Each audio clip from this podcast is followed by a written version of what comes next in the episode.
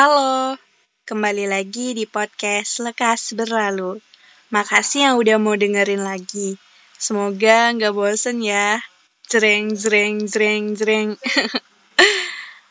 Mari jangan lalui sendiri. Bersama kita menjadi satu untuk saling memulihkan. Semoga semuanya lekas berlalu.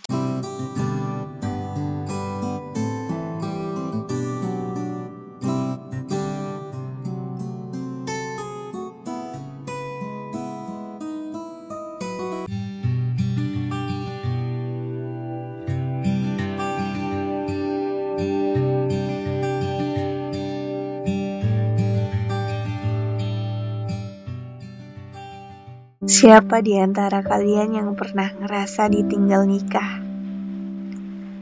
Ya, kalian gak sendiri. Ada aku dan mereka yang juga merasakan hal yang sama. Entah berawal dari jatuh hati hingga timbulnya harapan,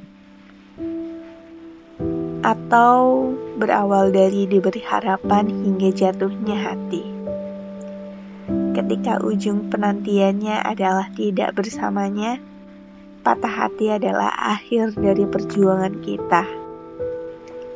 Kandas, kandas sudah ketika undangan pernikahan sudah ada di depan mata kita.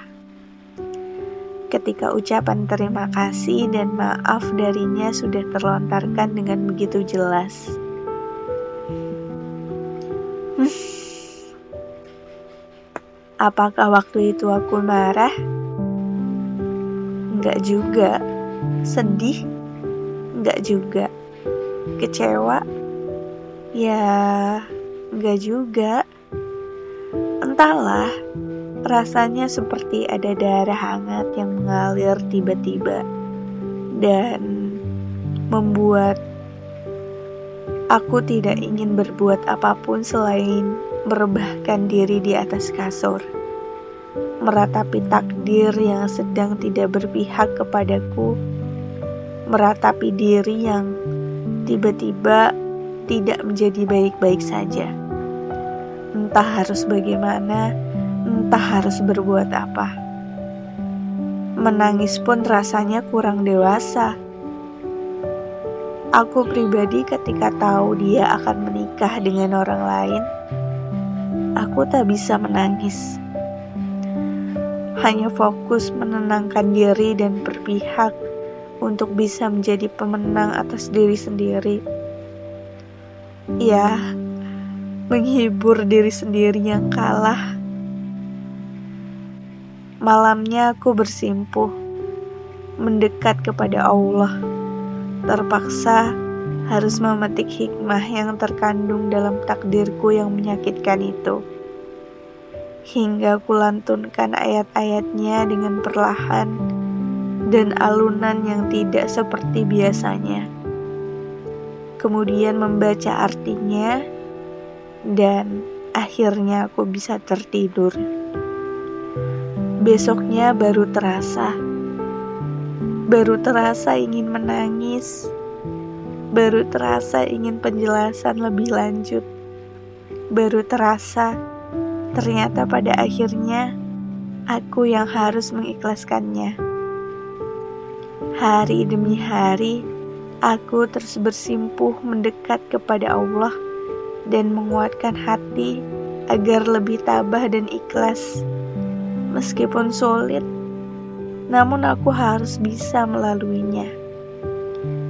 Di saat itulah aku sadar bahwa kita tidak boleh terlalu percaya diri bahwa seseorang akan menjadi jodoh kita.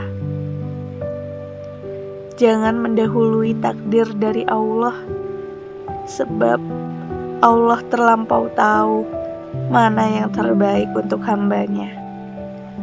Dan cukuplah sesuatu yang kita sukai, belum tentu menjadi apa yang disukai olehnya.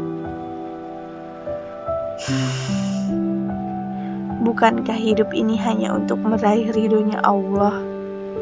Maka sudah sepantasnya aku ridho atas ketetapan yang telah ia berikan. Apa pun itu, pasti adalah yang terbaik jika semua itu datang darinya.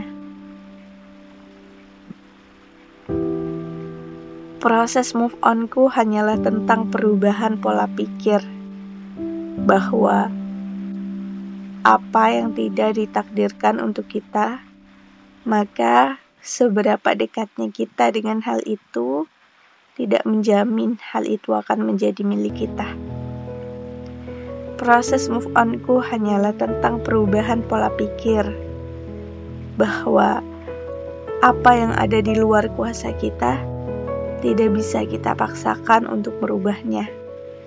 Sebab kita adalah manusia yang penuh dengan keterbatasan, di mana yang bisa kita perbuat hanyalah tentang bagaimana kita menghadapinya dengan sabar, ikhlas, dan tabah, atau dengan kesal, sebal, dan marah adalah sebuah pilihan yang bisa menentukan apakah sikap kita bisa menambah pahala atau sebaliknya.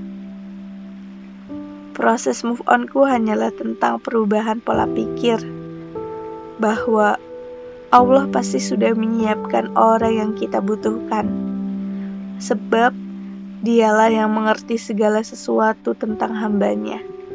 Dialah yang akan mengirimkan versi terbaik yang akan mendampingi kehidupan kita.